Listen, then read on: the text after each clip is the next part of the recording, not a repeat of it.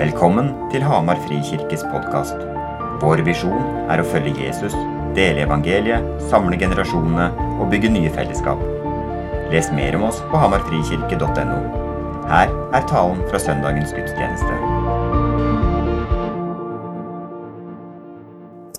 Hva er du god på? Hva er det du har å komme med? Uh, og hvor er din plass ved siden av alle de andre her som ser ut som har alt på plass? Mens jeg, jeg jeg har jo ikke noe å komme med. Eh, det tror jeg mange av oss kan sitte inni oss og, og, tenke. Og så skjønner vi ikke at de andre sitter og tenker det samme. Um, noen ting, styrker og svakheter, er noe jeg har tenkt på, på mye opp igjennom livet mitt. Men, men, men ett talent som jeg vet jeg ikke har, det er å synge. Uh, og det er egentlig veldig greit. Uh, nå Jeg liker å sitte, sånn, sitte med en sånn gjeng med, med, gutter som kan synge høyt, og ingen synger fint. Da vi bare står ved siden av hverandre og, og er komfortable der. Um, og det lever jeg godt med. Det er egentlig veldig greit. Um, jeg slipper å tenke at jeg skal jeg vurdere å bli med et lovsangsband. Nei, det er ikke noe å lure på. Det er best for alle at jeg ikke gjør det. Så kan det være litt kleint av og til når man sitter hjemme og skal synge bordverset med gjester på besøk. For da er det liksom OK, hvor skal jeg, skal jeg kjøre på? Hvor skal jeg legge meg? Hvilket nivå eller oktav eller jeg vet ikke hva det heter engang. Og jeg vet ikke hvor jeg er. Så da kan jeg sitte og svette litt. Men, men ellers så er jeg stort sett komfortabel med det. Jeg tror det var Eirik Sperre, du var tydelig på, tidlig, tidlig på å fortelle meg at det her, det her, Du har mange gode talenter, men akkurat her Så det, det, er jeg veldig komfortabel med. Og også hvis det er, folk synger falskt der fremme, og sånne ting, så gjør meg ingenting. Jeg hører det ikke engang. Så jeg slipper masse frustrasjon. Um, mens et annet område vi har snakka litt om det her, det snakka Eirik om for to uker siden, er penger. Der tror jeg at jeg egentlig er litt flink til hvordan deale med penger og hvordan på en måte ha være smart med det og, og, og, bruke det godt. Men samtidig så gjør jeg også at, at, at um, uh, Og jeg tenker liksom det å være nøysom og det å være forsiktig med penger det er på en måte bra, og det er bibelsk. og vi må være forsiktige her. Uh, og så har det egentlig gjort at jeg tror at jeg lett kan få et sånt kontrollbehov på penger. Jeg blir stressa som denne uka når jeg får bilen på verksted og så får jeg en beskjed om at det er fem ting som må fikses, ikke bare de to som jeg trodde det var.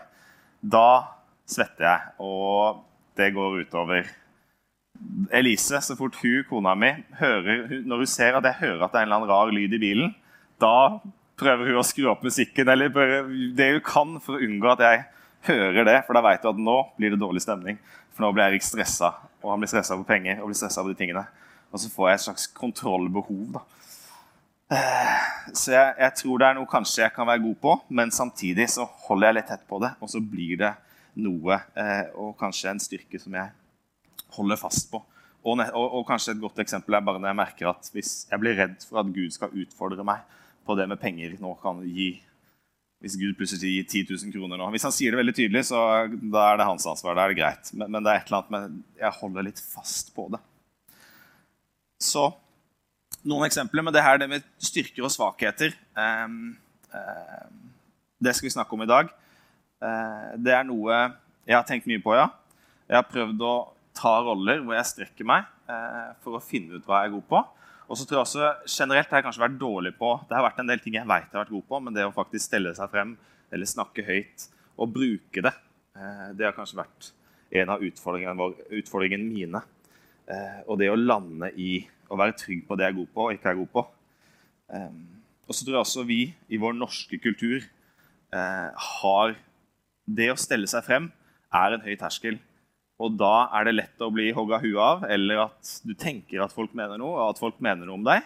Mens hvis du ikke steller deg frem og holder tilbake, så er det egentlig ingen som reagerer på det hos oss. Andre steder hadde de kanskje vært litt hvorfor, hvorfor kommer du deg ikke frem? Hvorfor bruker du ikke det du har? Men hos oss er vi egentlig veldig Det er greit. Um, og når folk stiller seg frem, så tenker vi ofte at ja, ja de, sikkert, de, vet sikkert at jeg er god på det her. Og så glemmer vi å gi dem komplimenter eller fortelle eller bekrefte hos hverandre hva vi er gode på. Og så står, sitter man der litt i usikkerheten, men alle andre tenker at ja, dette vet du at du er god på. Så jeg trenger ikke si noe. Så vi har et eller annet liksom kleint og vanskelig forhold til det her uh, i vår kultur. Så Vi skal snakke litt om det her i dag. Vi skal gå til Bibelen, hva de snakker om talenter, uh, styrker og gaver. Vi kommer til å komme litt inn på det som Bibelen beskriver som nådegaver. Eh, men primært skal vi snakke om måte, naturgaver og de talentene og de, måte, de styrkene vi, vi, sitter på eh, eh, naturlig. Så vi skal se litt på Bibelen, hva den sier om det. Og så skal vi gi dere noen konkrete eksempler på hvordan det kan se ut. Både Bibelens nådegaver, vi skal få en liste å se der, og litt på andre styrker og talenter vi naturlig sitter på. Så dere får sånn hjelp til å tenke hva, hva er det jeg sitter på? Hva er det jeg sitter med? Og så skal vi gå tilbake til Bibelen og se hvordan, hvordan vi blir utfordra til å bruke de her. Hvordan skal vi behandle styrkene våre og talentene våre. Men bare stopp opp. Vi ber kjapt nå, men bare stopp opp og tenk. Gå i deg selv. Hva er det jeg sitter med? Eh, og hva er det Gud kaller meg til her i dag? Så vi har det i bakhodet. Takk, gode far, for at du har skapt oss. Du har gitt oss ulike og unike styrker. Du kjenner oss best av alle. Du vet hva vi har å komme med, du vet hvilken posisjon vi er satt i. Du vet hva slags mennesker vi har rundt oss, og at du skal snakke til oss, kalle på oss eh, til å tørre å, eie det, men samtidig holde det du har gitt oss, med åpne hender og vite at vi har fått av deg. Og det er du som skal ha ære. At vi skal bruke det til å elske deg og elske mennesker. Beskytt oss fra å holde fast. Beskytt oss fra at vår syndige natur tar overhånd. Eller frykt. Og gi oss Guds tillit i møte med det. Amen. Um, forvaltning snakker vi om, som Berit sa. Vi har en taleserie på det. Vi har snakka om penger, vi har snakka om tid. Uh, forvaltning, ordet bare definert, skal jeg bare repetere kjapt for dere nå. I vanlig norsk språkbruk betyr det uh, Jeg skal ta definisjonen her. En betegnelse på ulike former for å ta vare på, benytte eller administrere ulike egenskaper, ressurser eller goder som talentet ditt, eller evnen, ehm, eller din egen eller andres arbeidskraft, hvis du er en leder f.eks., eiendom eller formue, eller fellesverdier som natur, miljø, kunnskap, tradisjoner og kultur. Men som jeg ville oppsummert det nå, i forhold til hvordan vi snakker om det her i kirka, så vil jeg si at alt du har, det er egentlig Gud sitt. Du har det til låns, både fysisk og den du er. Så bruk det, og bruk det til Guds ære. Til å elske Gud og til å elske mennesker. Så Bibelen, Vi skal ta en tekst i dag fra Matteus. Eh, så jeg kan egentlig begynne å finne fra Matteus. Jeg tar ikke de hovedtekstene tar ikke på skjerm. Da vil jeg at dere skal finne det i Bibelen hvis dere har det, eller en bibelapp eller et eller annet så du kan ha og lese det selv. Men hvis vi går helt tilbake til starten av Bibelen, i Bibelens første kapittel, helt til slutten av når Gud har skapt verden, Eh, så kommer på en måte Guds originale befaling til menneskene. Og da sier han, og det tror jeg har på skjerm her Vær fruktbar og bli mange. Fyll jorden og legg den under dere. Dere skal råde over fisken i havet og fuglene under himmelen og alle dyr som det kryr av på jorden. Så vi mennesker, vi var, og når Bibelen beskriver det, var det ypperste av skaperverket. Um, uh, resten av skaperverket måte, er skapt, og det er der, og det er godt. Mens vi mennesker har blitt gjort, gitt en konkret oppgave. Én å fylle jorden, og det begynner vi å få kål på, syns jeg, eh, med mennesker. Men den andre er å forvalte det Gud har skapt. Også helt konkret her snakker det om dyr i fugler og fisker og diverse. Men jeg tenker også bare helhetlig forvalte jorda vi har fått. Menneskene som er satt der. Vi har et forvaltningsoppdrag. Så det er det det begynner med. Men så, etter et par kapitler til, så krasjer jo hele systemet. Fordi mennesker gjør opprør vi synder. Vi vender ryggen til Gud og vil ta det i egne hender. Eh, og da blir fokuset veldig mye etter det handler om på en måte vi mennesker er syndige, og Guds, eh, Guds og menneskets kamp etter å gjenforenes med Gud, og Gud som prøver å trekke oss tilbake til ham. Eh, og Det er den store historien gjennom Bibelen. Og Da kommer det her forvalteroppdraget litt i skyggen, men samtidig så er det der. Det er litt av kjernen og det Gud originalt ga oss. Det var oppdraget vårt før alt gikk åt skogen i syndefallet. Um, så kommer vi inn i et godt stykke uti her. Når vi kommer til Matteus, så kommer vi til Jesus, som kommer på jorden for å endelig eh, gjenforene oss mennesker med Gud. Det skal vi komme tilbake til, Men Jesus han forteller en del forskjellige historier. Vi skal lese en av Jesus sine historier i dag i Matteus kapittel 25, vers 14. Så hvis du har en bibel eller hvis du har en app, så kan du begynne å flikke den frem. Matteus kapittel 25. Denne historien tok Eirik for to uker siden òg. Vi skal ta den på nytt i dag. Og det er en historie som man ofte, hvis du bare sitter og leser den alene, så er det, det er en som utfordrer deg. Eh, som kan, er litt tung å lese av og til. Vi skal gå inn i nå. Lignelsen om talentene. Matteus 25, vers 14. Så leser jeg. Det er som en mann Det er som en mann som skulle dra utenlands. Han kalte til seg tjenerne sine og overlot dem alt han eide. Han ga dem fem talenter. Han ga Én ga han fem talenter, en annen to og en tredje én talent. Etter, etter, det hver enkelt hadde evne til. Og så reiste han. Han som hadde fått fem talenter, gikk straks bort og drev handel med dem og tjente fem til. Han som hadde fått to talenter, gjorde det samme og tjente to til. Men han som hadde fått én talent, han gikk og gravde et hull i jorden og gjemte sin herres penger. Da lang tid var gått, kom tjenernes herre tilbake og ville holde regnskap med dem. Og han som hadde fått fem talenter, eh, kom frem og hadde med seg fem til og sa, 'Herre, du ga meg fem talenter. Se, jeg har tjent fem talenter til.' Hans herre svarte, 'Bra, du gode og tro tjener. Du har vært tro i lite, og jeg vil sette deg over mye.' Kom inn til gleden hos din herre. Også han med to talenter kom frem og sa, 'Herre, du ga meg to talenter, og se, jeg har tjent to til.' Og hans herre svarte, 'Bra, du gode og tro tjener. Du har vært tro i lite, jeg vil sette deg over mye. Kom inn til gleden hos din herre.'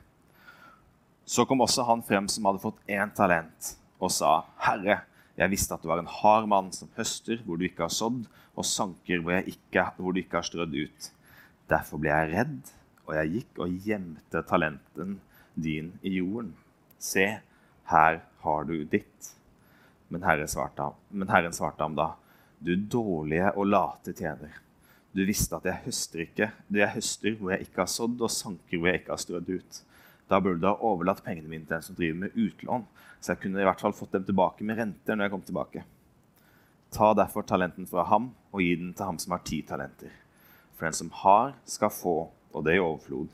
Men den som ikke har, skal bli fratatt det han har. Selv det han har. Og kast den unyttige tjeneren ut i mørket utenfor, der de gråter og skjærer tenner.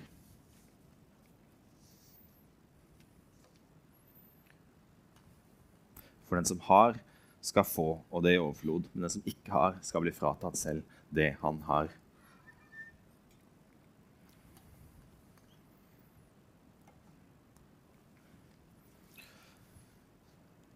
Ordet talent det var en historisk egentlig en vektenhet på ca. 34 kg, eh, men som ble brukt som en, en ikke en mynt, men en penge eller en beskrivelse av en sum, en, en verdi, eh, en måte å måle penger på.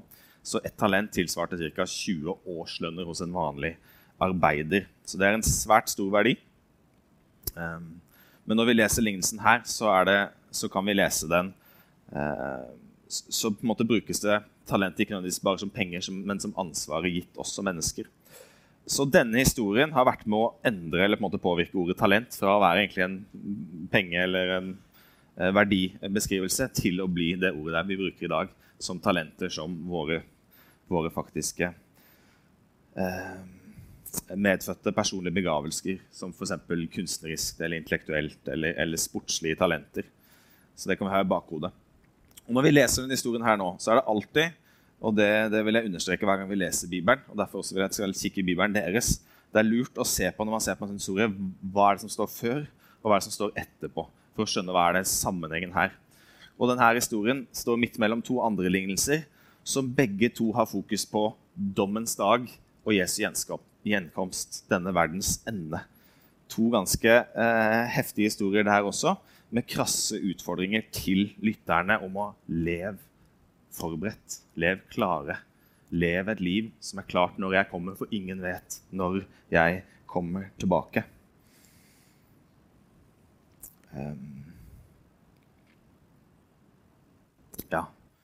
Og så, Jeg skal trekke ut noen momenter som vi ser underveis her. Hvis du legger merke til de to første tjenerne her, begge to, en for fem talenter, en for to talenter. Men responsen og rosen de får av kongen, eh, eller herren, når han kommer tilbake, er akkurat den samme. Du gode og tro tjener. Du var tro i lite, jeg vil sette deg over større ting. Han ga ikke noe mer ros til den som hadde fem og dobla det, i forhold til den som hadde to og dobla det. Eh, så hva er oppfordringen? Han sier den som, skal, som, har, skal få i overflod. Så det å bruke det gudgitte talentet um, og, vise, um, og bruke det talentet vi er gitt. Um, og det å være faktisk produktiv og bruke det, er en, en, en kjernedel av det å være Jesus, Jesu disippel. Og det å, sette, det å, bruke det du har fått, vil gjøre at han kan være villig til å sette deg over flere ting. Um, men det rare med historien er når det kommer til den siste tjeneren, som faktisk valgte å grave ned talentet sitt. Og Det kan egentlig høres litt dumt ut. Hvem ville grave ned talentet sitt? Bare ta pengene og putte under jorda. Men hvis du vet hvordan ting var eller baki der så var det ikke noe banksystem. Ehm, det var ikke egentlig en veldig rar ting å gjøre. Det var det man gjorde med, med store verdier. Og jeg tipper kanskje, hvis jeg skulle vært safe og jeg var redd, så hadde jeg nok veldig lett gjort det samme. Men han svarte, når han svarer, tjeneren svarer rett på sier han, 'Jeg ble redd, for du er en hard hva skal Jeg si? Jeg ble redd, du er en hard mann, så jeg ble redd.' Og så bommer han egentlig på forståelsen av hvem han er kongen var, og hva han egentlig ønska. Så han valgte å holde tilbake, og han tok den enkle veien. Og så gravde han ned det som var gitt ham. Han valgte å sitte på det, og han turte ikke å bruke på det. Den som ikke har, skal bli fratatt det han selv, selv det han har. Det å ikke bruke og investere det Gud har betrodd deg.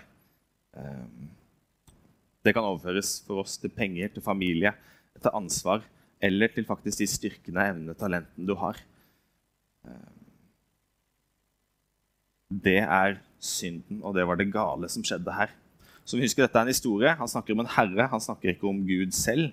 Så de prøver å illustrere et poeng, ikke karakteristikk av hvordan Gud selv nødvendigvis opererer. Um, men for å zoome ut, for du får et sånt hardt bilde av denne herren her. Og Gud, det er ikke Gud. Uh, men vi må zoome ut og, si, og, se hva er helheten av Bibelen her. Og, og i helheten av Bibelen så, så, han Så er det egentlig, når jeg leser det, så er det Guds ansvar at vi, når vi bruker talentene våre, at frukten kommer. Frukt kommer det er Guds ansvar å gi frukten. Eh, vi sår, vi jobber. Gud er det som gir frukten. Eh, men når vi bruker de gavene vi har gitt, så vil det naturlig måte fordoble seg. Det vil naturlig ha en effekt. Det vil naturlig, eh, det talentet vil naturlig Hvis vi investerer det, hvis vi bruker det, vil det naturlig få, få konsekvenser, få effekt. Så jobben vår er ikke å eh, Frukten er ikke vårt ansvar, men det å være villige å bruke det vi er gitt, i situasjonen vi står i. Det er vår jobb. Det er vårt ansvar. Um, så hvis du ser deg selv og tenker på en måte hva jeg gitt av evner og talenter, så kan man tenke, kanskje noen av oss tenker ja, jeg sitter på hundrevis av talenter. jeg har masse.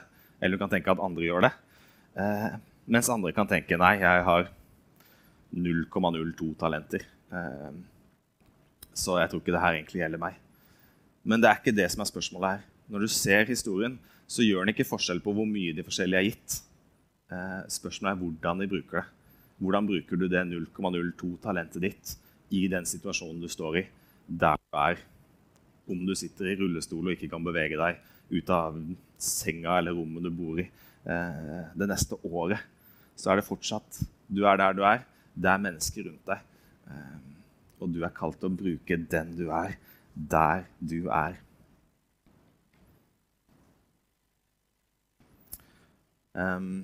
Vi skal zoome litt ut og se på litt forskjellige typer gaver og talenter. Så da kan du tenke meg selv en måte, hva er det jeg kjenner meg igjen i. Uh, og Bibelen han skiller mellom to eller på en måte Du har noe som heter nådegaver, uh, og så har du noe som heter naturgaver. Jarle Skullerud, han som leder Frikirka, har en undervisning på det her i et lederprogram uh, som heter Akademiet, som vi driver med. Så jeg skal bare sitere det han sier der. Naturgaver er et uttrykk for Guds allmenne nåde til alle mennesker gitt ved fysisk fødsel. Altså våre styrker og ting vi naturlig sitter med. Nådegaver er et uttrykk for Guds spesielle nåde til sine barn. Guddommelige talenter gitt ved åndelig fødsel. Naturgaver kan bli nådegaver, men like ofte går nådegavene på tvers av naturgavene. Nådegaver er ikke noe jeg skal snakke mye om nå, men jeg skal kaste opp én. Du kan bare ta opp den der, eh, oversikten her. En oversikt over som han trekker frem. Nå har han plukka frem mange av de forskjellige nådegavene han ser i Bibelen. Så hvis du vil huske på den, så kan du gjerne bare ta mobilen og ta et bilde av den her. Men dette er ulike nådegaver vi har gitt når vi kommer til tro som vi kan ha, vi kan stå i og bruke. Og så viser det hvor det snakker om dette i Bibelen. Om det er en naturgrave eller en nådegave. Det er det bare Gud som vet. Men, men jeg skal vise to forskjellige eksempler. Så, um, men slik som kulturmandatet og det jeg snakka om, det strekker seg helt tilbake til skapelsen sånn vi er skapt. Um, det som er gitt oss ved vår fysiske fødsel. Uh, og, og, det skal vi fokusere på nå, er, din, er, er, er uh, disse naturgavene som, som, ligger i oss fordi vi er skapt i Guds bilde, og som vi har uavhengig om vi er kristne eller ikke, uavhengig av om vi tror eller ikke. Så, så, så, vi har ulike styrker, vi har ulike evner, vi har ulike talenter, og vi sitter alle på det. Og selv om noen gaver er mer synlige enn andre, og kanskje enda mer i den kulturen vi er i nå, hvor det beste hos mennesker blir ekstra høyt fremheva, sånn som i sosiale medier, og man plukker ut det som ser best ut, så kan det se ut som mange sitter på. Eh, og noen på en måte utvalgte talenter eller de som står her på scenen, blir mye mer synlige enn de andre. Eh, men det er ikke det det handler om. Talenter, gaver, er på alle områder. Så en måte som jeg har jobba en del med de siste årene, eh, er noe som heter Først har jeg en del med et sånt personprofilgreie som heter DISK, som flere av dere sikkert har vært borti. Men etter hvert jobba mer og mer med noe som Gallup har utvikla. Dette er ikke et kristent konsept, men et sånt styrkekonsept som heter StrengthsFinder. Det er en, en, en bredt forskningsbasert styrkesystem som deler begrepet menneskelige styrker inn i 34 veldig konkrete områder. Unike områder. Eh, og så er det delt det inn i fire kategorier igjen. Så dette har vært et godt verktøy som vi har jobba både tatt sånn test på, og for å hjelpe, hjelpe, mennesker å finne hva er det jeg sitter på. Og det er delt opp i ene, første område, gjennomføring. Mennesker med gjennomføring som, som dominerende tema vet hvordan å få ting til å skje. Eller påvirkning. Det å ta ledelse, snakke høyt og sørge for at man blir hørt. Relasjonsbygning. Bygge sterke relasjoner og gjøre at måte, helheten og at man har mennesker rundt seg får frem noe som er bedre enn bare de enkeltpersonene ville gjort eh, på egen hånd. Og så strategisk tenkning. Det å på en måte se, analysere eh, og suge til seg informasjon for å finne en bedre vei videre. Så dette har vært et, egentlig et godt verktøy som setter litt ord på det. Du har masse ord under der. Men det interessante med den testen når du har brukt den, er at du får en test, du bruker den, du kjøper den billigste testen man tar. Eh, så får du så får du kun de, får svar, de avdekker hele rekka di, men du får kun vite dine topp fem styrker. De fokuserer bare på det som er på topp. For de vet at også mennesker, når du får en liste over hva du er god på og ikke, så er det veldig lett for oss at vi går på bunnen. Så ser vi på hva vi er dårlige på, og så bruker vi veldig mye energi på å bli bedre på det vi er dårlige på, så vi får alt opp på en sånn greit nivå. Og spesielt oss nordmenn, kanskje. Eh, men litt av kjernen i det konseptet her er at nei, dette er dine topp fem. Bruk energi her. Her kan du være god. Eh, og når du bruker energien her, det er mye lettere å bli bedre på det du er god på, enn å prøve å kompensere på det du er dårlig på. Um.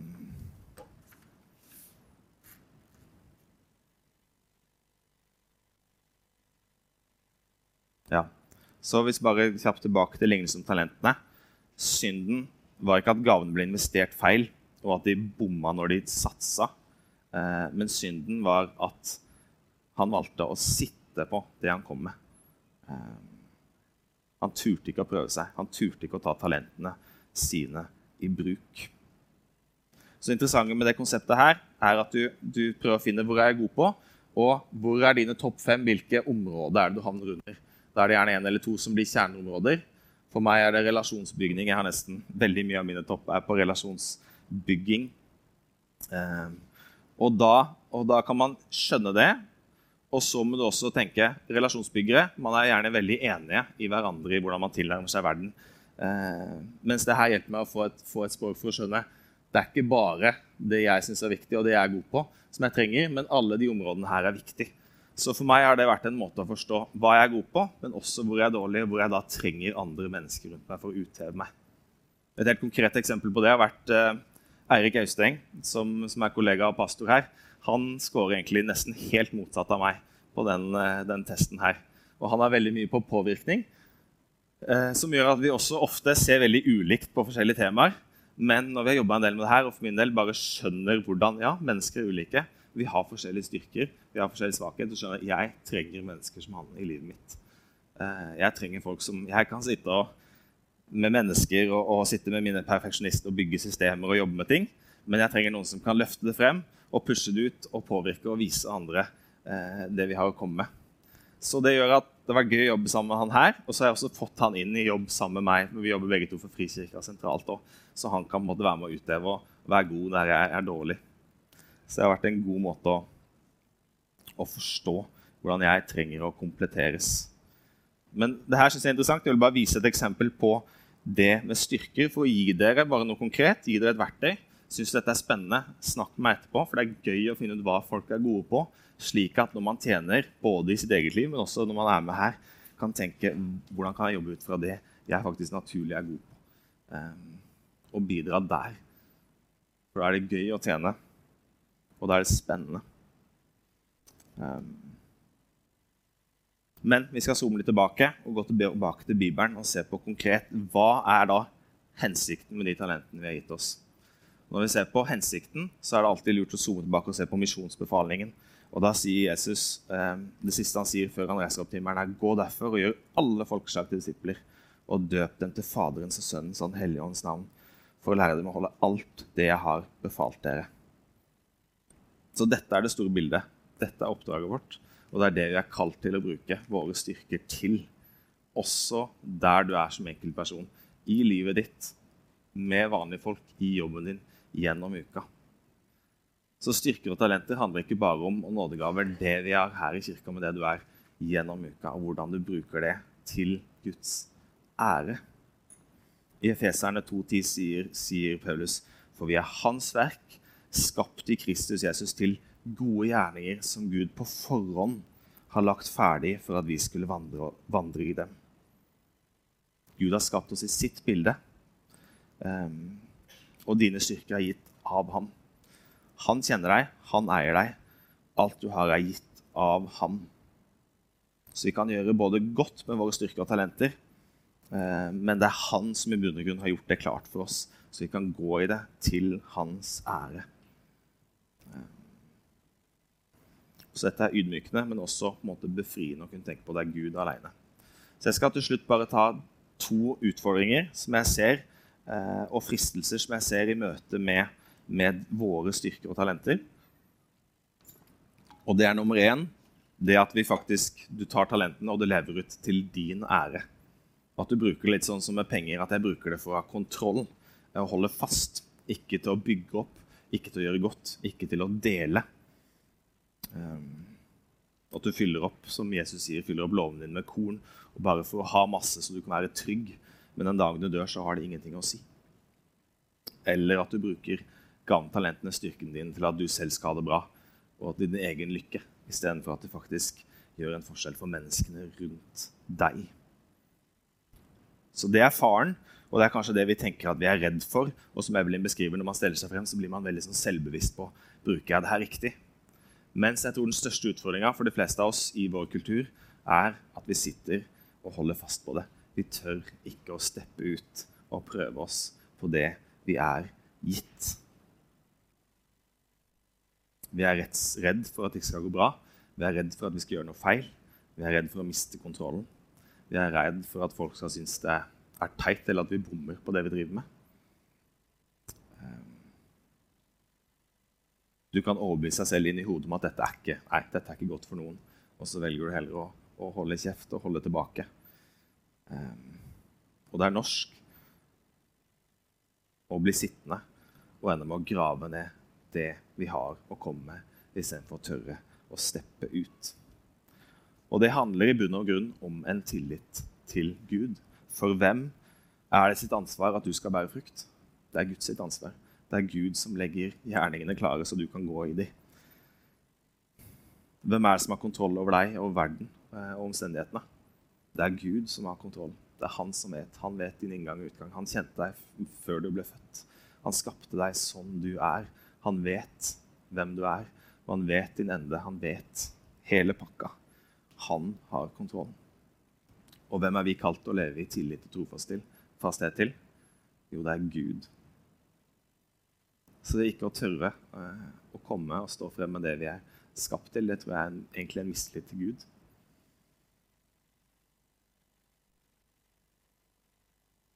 Og et forsøk på å kontrollere eller redd selv. Um, så problemet egentlig med begge deler er vår selvsentrerte menneskelighet. Vi er enten ærgjerrige eller vi er redde. Men begge deler har til felles en mangel på tillit til Gud. Det å faktisk, Istedenfor å holde åpent det vi vet, så holder vi det fast og prøver å kontrollere det. Men som Eirik siterte for, for et par uker siden, var alt vi har, er på lån fra Gud.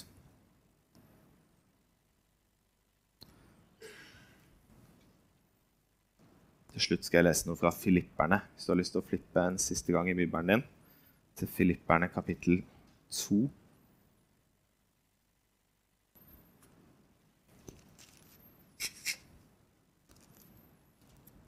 Hvor vi snakker om Jesus. Og Jesus var et veldig interessant eksempel å se på hvordan han brukte talentene. eller hvordan Han så talenter. For han valgte disipler, og da så han ikke etter det samfunnet så etter. Han valgte mennesker som, som ikke nødvendigvis eh, hadde treff i eller var, så, så, på det samfunnet så etter, men han så til hjertet, og han så potensialet. Og jeg tror ikke det var en gjeng dumminger, men han så andre ting enn det mennesker så, enn det som ble fremheva der og da. Og I tillegg så valgte Jesus å sende ut disiplene, både mens han gikk med dem. Han sendte ut, ga dem et litt åpent oppdrag, og så sa 'løs det på din måte'. Og Så var, gikk han med dem i to, to og et halvt, tre år, og så sendte han ut. 'Nå har du fått oppdraget. Hele verden skal bli disipler.' 'Jeg reiser til himmelen, jeg sender min Hellige Ånd.' Kjør på. Veldig stort oppdrag, men veldig lite micromanagement. Han er villig til å la folk løse ting på sin måte. Eh. Og så gikk de ut i kraft av Den hellige ånd. når de fikk Den hellige ånd. Så mye er gitt oss, mye er gitt deg, om du tror det selv eller ikke, om du er enig i det eller ikke. Men samtidig, vi kommer til kort, enten ved å misbruke det vi har gitt, til vår egen ære, eller til å velge å holde fast på det og ikke tørre å bruke det.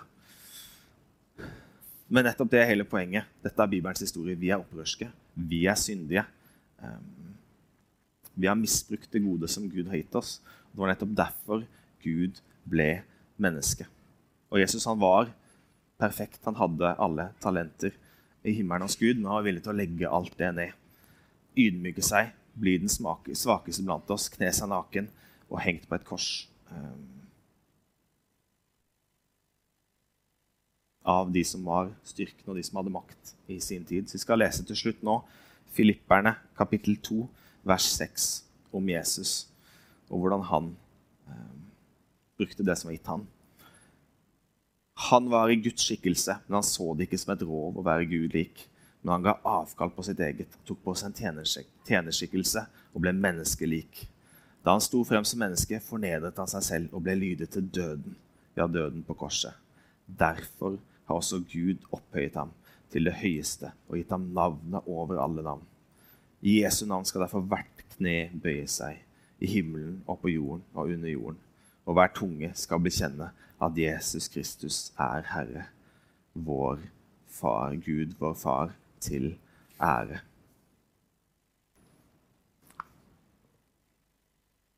Så vi er kalt til å anerkjenne og overgi vår synd, vår tilkortkommenhet. Til å omvende oss, til å ta imot Guds frelse og bare i Han kan vi virkelig bli fri.